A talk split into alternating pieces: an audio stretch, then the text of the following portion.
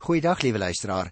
In die vorige program het ek vir jou weer 'n keer so 'n bietjie vertel van die kronistiese geskiedwerk, waaroor dit gaan, uit watter gesigshoeke dit geskrywe is, en daarom gaan ek uh, dit nou nie vandag weer doen nie, maar ek wil graag hoofstuk 21 in 1 Kronieke met jou behandel tot aan die einde van hoofstuk 22.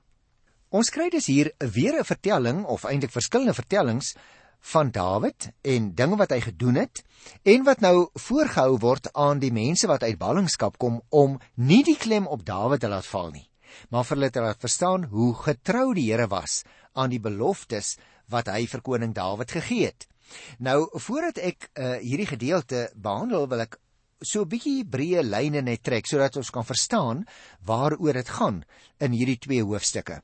Tot dusver, liewe luisteraar, kon die kronikus eintlik net negatiewe mededelings doen oor Dawid se planne om 'n huis vir die Here te bou. Dawid is byvoorbeeld verbied om die tempel te bou in die 17de hoofstuk.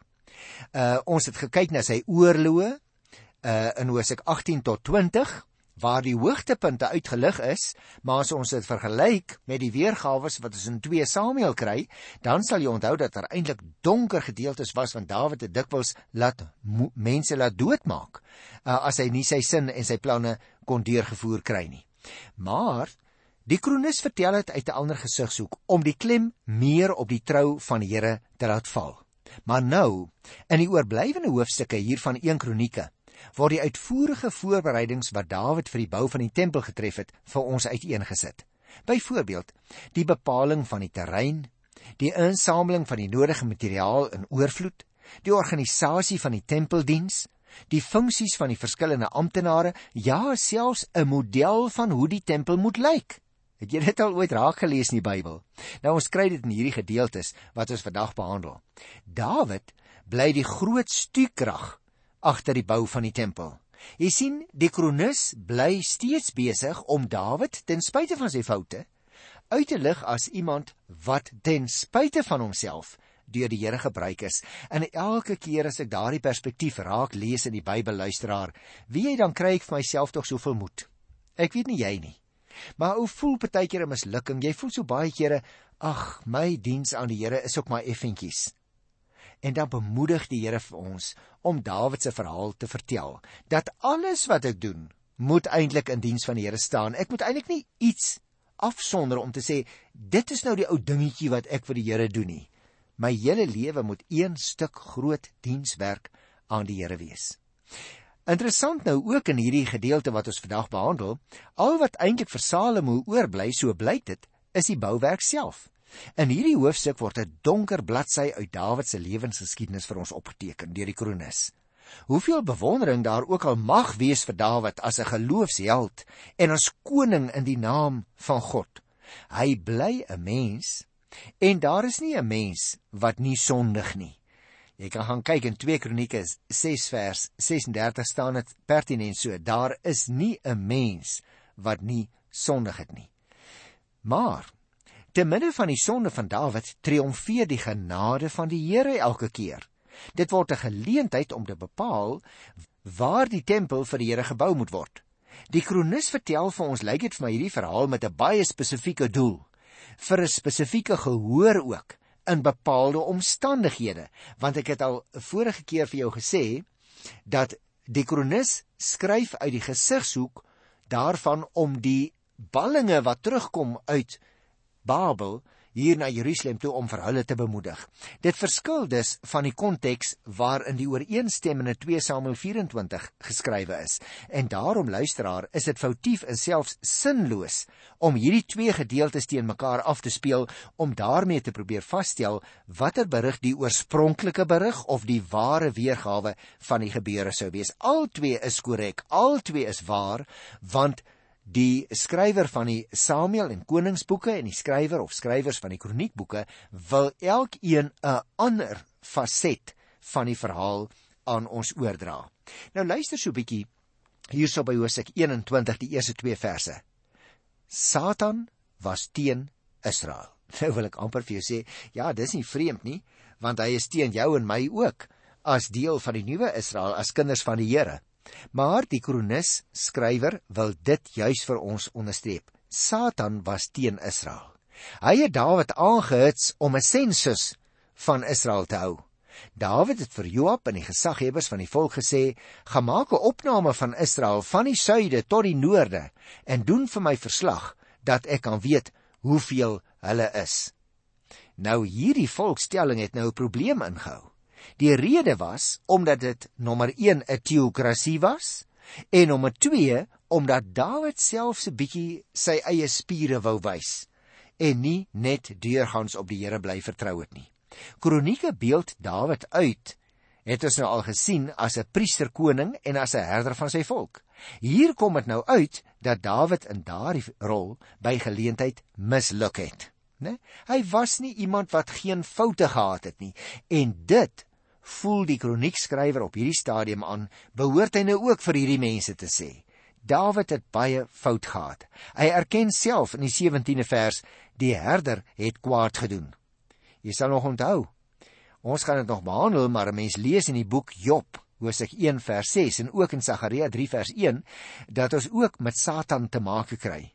Soos die duiwel daar later in die geskiedenis die Here Jesus probeer versoek het en probeer het om hom te laat afsien daarvan om die werk te doen waarvoor sy Vader hom gestuur het, probeer Satan nou vir Dawid ook aanhits om nie die herder en die priesterkoning te wees waarvoor God hom geroep het nie. Deur Dawid te ooreed om 'n sensus van die volk te hou, laat hy Dawid in die slagyster trap om God se bedoeling verkeerd om te draai. In plaas daarvan dat Dawid herder vir sy volk is, word die volk nou die skape wat deur hulle groot getalle die koning moet dien en hom belangrik moet maak. Pleks van te dien wil Dawid gedien word op 'n stadium. En dit moet nou Dawid se volk wees en nie God se volk nie. Hierdie hele ding wat ons hier lees in die eerste vers hier in uh, 1 Kronieke 21, Satan was teen Israel staan daar en hy het Dawid aangehits. Luisteraar, dit is eers in die volle lig van die openbaring van die Nuwe Testament dat ons die verwoestende krag van die Satan soos hy in die Hebreëus genoem word, Satana of die duiwel wat nou weer die Griekse weergawe is in die Nuwe Testament. Dis eers as ons ook in die Nuwe Testament kyk dat ons sy volle verwoestende werking beter kan verstaan. Gaan kyk gerus maar in 1 Petrus 5 by die 8ste versie. Maar elders, ook in die Ou Testament soos in Job, kry ons die Satan in die betekenis van die aanklaer. En daarom hier in vers is die aspek wat uniek is en wat uitstaan, die sinnetjie dat dit die enigste plek in die Ou Testament is waar die woord Satan as eie naam van die bose voorkom in die hele Ou Testament. Aanvanklik word die goeie en die slegte op dieselfde manier as die werk van God beskrywe. Byvoorbeeld in Eksodus 4 of in 1 Samuel 26 by vers 19, maar dan gaandeweg word onderskei tussen die gees van die Here in die geskiedenis en 'n bose gees wat deur die Here gestuur is. Jy onthou nog daar in 1 Samuel 16 vers 14 wat deur die Here gestuur is en wat besit geneem het van Saul. Soms tree daar egter ook 'n tussenfiguur op, soos die slang in Genesis 1 of Biliam in Numeri 31 of die engel van die Here in Rigters 5. En soms doen die mens uit sy eie verkeerde dinge. Onthou jy nog die verhale daar in Genesis 12 van die 11de vers af? Mens kry ook iets daarvan in uh, die profeteboek Sagaria, die 3de hoofstuk, of in Job, hoofstuk 1 van vers 6 tot 12. En hier dan uh word die Satan ook beskryf as 'n teenstander en 'n vyand van God en die mens. Ons ontmoet dus die duiwel, liewe luisteraar, as die bewerker van die sonde en die persoon wat die mens aanhits tot verset teen God. Die ganse mag van die bose, Satan self, rig hom teen koning Dawid om hom ook aan te val. Ons het dus ook in die geskiedenis van Dawid hier in 1 Kronieke 21 'n baie treffende ooreenkoms met die geskiedenis van die seun van Dawid in die Nuwe Testament wat die ryk van God onder die mense kom vestig het, naamlik die Here Jesus Christus. Jesus was nog skaars in sy amp gestel of die duiwel het hom versoek. Gaan kyk maar die verhaal daar in Matteus 4 en ook in Lukas 4. anders as die Here Jesus. Soog Dawid egter voor die aanslag van Satan en hy loop in sy struik. Wat was die struik? Hier staan om 'n sensus van Israel te hou. Nou natuurlik, liewe luisteraar, dit was nie op sigself sonde nie. Die Here het selfs by by geleentheid vir Moses en Aaron beveel om die volk te tel. Gaan kyk gerus maar in Numeri 1 en in Eksodus 30 van die 11de vers af. Dawid het egter nie so 'n opdrag van die Here ontvang nie. En soos ek jou net nou verduidelik het, hy wil so bietjie belangrik wees. Hy wil sy eie mag vasstel voordat hy uittrek in die veldslag. Luister so bietjie hier vers 3 tot by vers 8. Toe sê Joab, onthou nou Joab was sy leeroowerste, sy generaal in ons terme. Selfs al sou die Here by sy volk 100 keer soveel byvoeg as wat hulle nou is, sal u mos nog koning wees. Hulle is mos almal u onderdane. Waarom wil u dit doen, u majesteit? Waarom moet dit nou 'n sonde las op Israel word? Jy sien hierdie generaal sien dadelik in waarmee die koning besig is, daarom vra hy hierdie vraag. Maar staan daar nou by vers 4. Maar die koning se bevel aan Joab het bly staan. Joab het vertrek, die hele Israel deur gegaan en na Jerusalem toe teruggekom waar hy die resultaat van die volkstelling aan Dawid oorhandig het. Israel was in totaal 1 miljoen 100 000 weerbare man en Juda 470 000. Die Lewiete en die Benjaminiete eh, is nie bygereken nie, want die bevel van die koning het vir Joab 'n gruwel gebly. In die oë van God was die saak verkeerd. En hy het Israel dan ook daaroor swaar gestraf. Dawid het teenoor God bely. Ek het swaar gesondig toe ek hierdie dinge gedoen het. Vergewe tog nou my oortreding. Waarlik, ek het dwaas opgetree. Jy sien, liewe luisteraar, Dawid se sensus was nie teen die wet van God nie, maar sy motief was verkeerd. Hy wou dit doen vir sy eie eer. Hy het vergeet dat dit eintlik moet gaan om God se eer.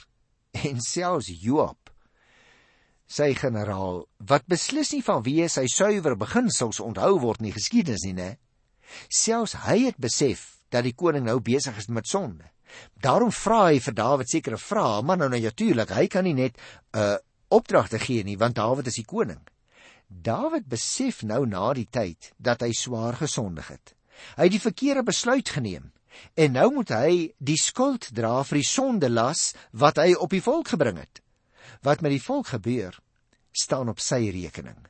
Hy wat die geluk en die heil van baie mense moes hel bewerk het, het nou die onheil en die ellende van baie gebring deur sy selfgenoegsaamheid en die grouwe misbruik van sy posisie as koning. Nou luisteraars, ek gaan nie die hele gedeelte lees nie. Ek gaan vir jou hier van vers 9 tot by vers 27 'n um, 'n oorsig gee. Dit sommer so 'n bietjie vir jou vertel. Want die vraag kom nou na vore. Waar hy net met selfverwyd sou sit. Was dit nie dalk nou 'n geval dat die Here hom gaan straf nie? Ja, dit was. God straf hom nou ook vir die wat hy verantwoordelik was en teenoor wie hy die onheil gebring het. As jy vers 9 tot by vers 27 lees, sal jy dit duidelik sien. En daardie luisteraars vermeerder die aantuiging teen Dawid. Ag, ek wil amper vir jou sê 'n duisendvoudig. Hy pleit by God dat dit hy is wat gesondig het en nie die volk nie. Hulle is onskuldig, so sê Dawid vir die Here. Hy moes egter agterkom hoe groot sy verantwoordelikheid is. As hy oortree, lê die volk ook daaronder. Wanneer hy gehoorsaam is, is dit ook tot voordeel van die volk. Jy sien, Hy het 'n baie besondere rol gehad wat hy moes speel, hy wat Dawid was. Sy priesterlike rol staan onlosmaaklik vas aan die volk en aan God. En daarom roep die Here hom nou opnuut op om erns daarmee te maak dat hy as koning en as priester oor die Here se volk aangestel is. Dit was nie sy volk nie. Hy moet as 'n priester 'n altaar gaan oprig op die dorsvloer van Ornan. Dit is Arauna kry dit in sommige vertalings. Dawid koop toe ook die plek met sy groot rotsplaat by Arauna teen 'n buitensporige hoë prys om sy gewilligheid tentoon te stel om homself vir die Here op te offer en hom te dien. Die plek word voortaan 'n simbool van herder koning wat teen God oortree het, maar sy skuld besef het en opnuut vir die Here gewys het dat hy bereid is om alles op die altaar te plaas om hom te dien. Interessant, liewe luisteraar. Op dieselfde plek sou die tempel later gebou word. En hier sou die volk met God deur die daaglikse offers versoen word en hier sou die Here se naam uiteindelik vir baie jare verheerlik word. Met ander woorde, agter die aankoop van die plek waar die tempel gebou moes word, lê die dramatiese stuk geskiedenis van 'n gesalfde koning wat deur bitter ervaring sy verantwoordelikheid teenoor God en sy volk moes leer ken. Die priesterkoning kan eers belangrik wees nadat hy sy werk gedoen het om die groot koning God te verheerlik. Eers in die nederige en gehoorsame diens aan God, die Here, kan sy kerk, jy en ek ook, kan ons hoegenaamd enige betekenis hier op die aarde en in die hemel hê. As ons doen wat die Here vir ons sê. En dit is nie altyd so maklik nie, nie waar nie. Ons doen graag wat ons graag wil. In Oud-Israel se geval het daar pes uitgebreek. Kyk by vers 14. Daarna die Here 'n pes onder Israel het uitbreek en daar 70 000 Israeliete gesterwe. Nou ja, goed. Kom ek lees nou hier van vers 25 af. Want hier kry ons ook nou 'n interessante stuk geskiedenis. Luister. Dawid het aan Arauna byna 700 kg vir die plek betaal en daar 'n altaar vir die Here gebou. Hy het brandoffers maaltydoffers gebring en die Here aangeroep. Die Here het hom geantwoord deur vuur uit die hemel op die brandofferaltaar af te stuur. Daarna het die Here met die engel gepraat en het hy sy swaard in die skede teruggesit. Toe Dawid destyds gemerk het die Here antwoord hom daar op die dorsvloer van Arona, die Jebusiet, het hy daar bly offer. Die tabernakel van die Here wat Moses in die woestyn gemaak het, die brandofferaltaar was toe op die hoogte in Gibeon. Maar Dawid was nie in staat om God daar te gaan raadpleeg nie, want hy is afgeskrik deur die swaard van die engel van die Here. Dawid het toe gesê: "Die heiligdom van God, die Here, is nou hier by die dorsvloer en hier is ook die brandofferaltaar vir Israel." Jy sien, na 'n tipiese oosterse onderhandelingsmanier koop Dawid toe die plek by Arauna teen 'n aansienlike prys van byna 700 kg goud staan hier. Nou, liewe aarde luisteraars, dis 'n koninklike prys hoor wat pas by die koop van 'n heilige plek. Dit bring ons dan luisteraars by die hele gedeelte waar Dawid nou spesifiek begin met die voorbereidings vir die bou van die tempel. En weer eens gaan ek nie al die beskrywings lees nie want ons het daar baie uh getalle en hoeveelhede en name en voorbereidingswerk. Maar kom ek la, laat ek vir jou net so 'n bietjie 'n oorsig gee. Dawid het 'n groot koninkryk opgebou en baie rykdom verwerf. Al die middele was dus beskikbaar en die tyd het nou ryp geword om die tempel van die Here te kan begin bou. Dawid, sal jy nou al weet, is nie toegelaat om self die tempel te bou nie maar aan die einde van sy lewe kon hy wel die plek aanwys waar die tempel gebou moes word. Hy kon ook die materiaal wat vir die bou nodig was bymekaar maak en aan sy seun Salomo en die leiers van die volk opdrag gee om die bouwerk te doen in gehoorsaamheid aan die Here. Dawid kon ook die diens wat die priesters en die leviete by die tempel moes verrig reël voordat hy gesterf het. In die tweede kroniekboek wat ons nou binnekort sal begin behandel, word dan vertel hoe al hierdie reëlings 'n hoogtepunt bereik het wanneer Salomo die tempel laat bou het en dit laat inwy het. Maar ek kan nie nou daarop in nie want ons sal nog daarby kom. So kom ons kyk hier by hoofstuk 22, miskien net die eerste 5 versies vir jou lees. Dawid het die vreemdelinge wat in Israel woonagtig was bymekaar laat bring en klipkappers en die werk aan die werk gesit om messelklippe reg te kap vir die bou van die huis van God. Hy het 'n massa yster vir die spykers van die poortdeure en die kramdeure gereed gemaak en ook 'n massa brons, te veel om te weeg. Daar was soveel seedraut dat dit nie gemeet kon word nie. Want die Sidoniërs en die Tiriërs het sederhout in oorvloed aan Dawid gelewer. Dawid het gesê: "My seun Salomo is nog jonk en sag, en die huis wat vir die Here gebou gaan word, moet indrukwekkend groot wees, 'n roem en 'n sieraad vir alle lande. Daarom tref ek maar vir hom die voorbereidings."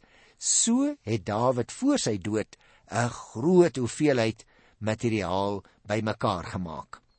Nou in die toneel luisteraars word juis die oortuiging uitgedruk dat die tempel indrukwekkend groots staan daar 'n roem en 'n sieraad vir alle lande word bygevoeg daar in vers 5 moet wees.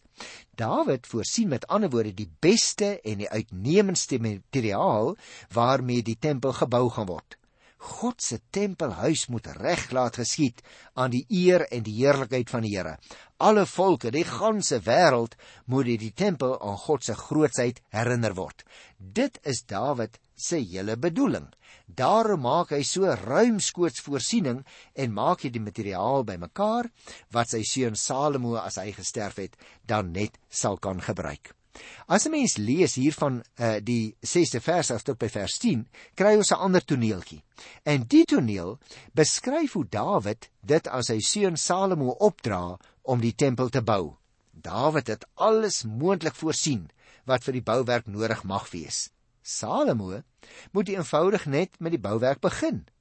Jy sien, die belangrikste is dat Salomo dit in geloof en in gehoorsaamheid aan die Here moet doen.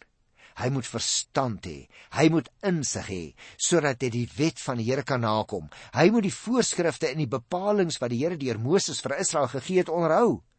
Salomo moet dus as dit ware met die woord van God in sy hand die werk gaan doen as hy so bou, dan sal dit 'n ware huis van die Here wees en dan sal God werklik by sy volk kom woon. Dan sal daar ook rus en vrede onder die Here se volk wees en Salomo se koningskap sal baie sinvol wees. Jy moet opmerk waar Dawid se tyd dus een van voorbereiding was, een van onvermydelike oorloë wat gevoer moes word, sal Salomo se tyd anders wees. Salomo sal 'n tyd wees waar God en sy volk vredevol by mekaar kan wees, waar hulle die Here in vryheid en onbedreigd sou kan dien. Nou as 'n mens die 22ste hoofstuk hier van die 11de vers af lees, dan kry ons nog weer 'n ander toneeltjie. Daar kry ons 'n beskrywing van uh hoe dat daar arbeiders uh aangestel is klipkappers, vakmanne, jy kan al daai goed maar gaan lees. Ek wil dit net vir jou saamvat tot by vers 19. Want jy sien in die toneel word ook die leiers van die volk by Dawid se opdrag betrek. Nie net die volksgenote nie.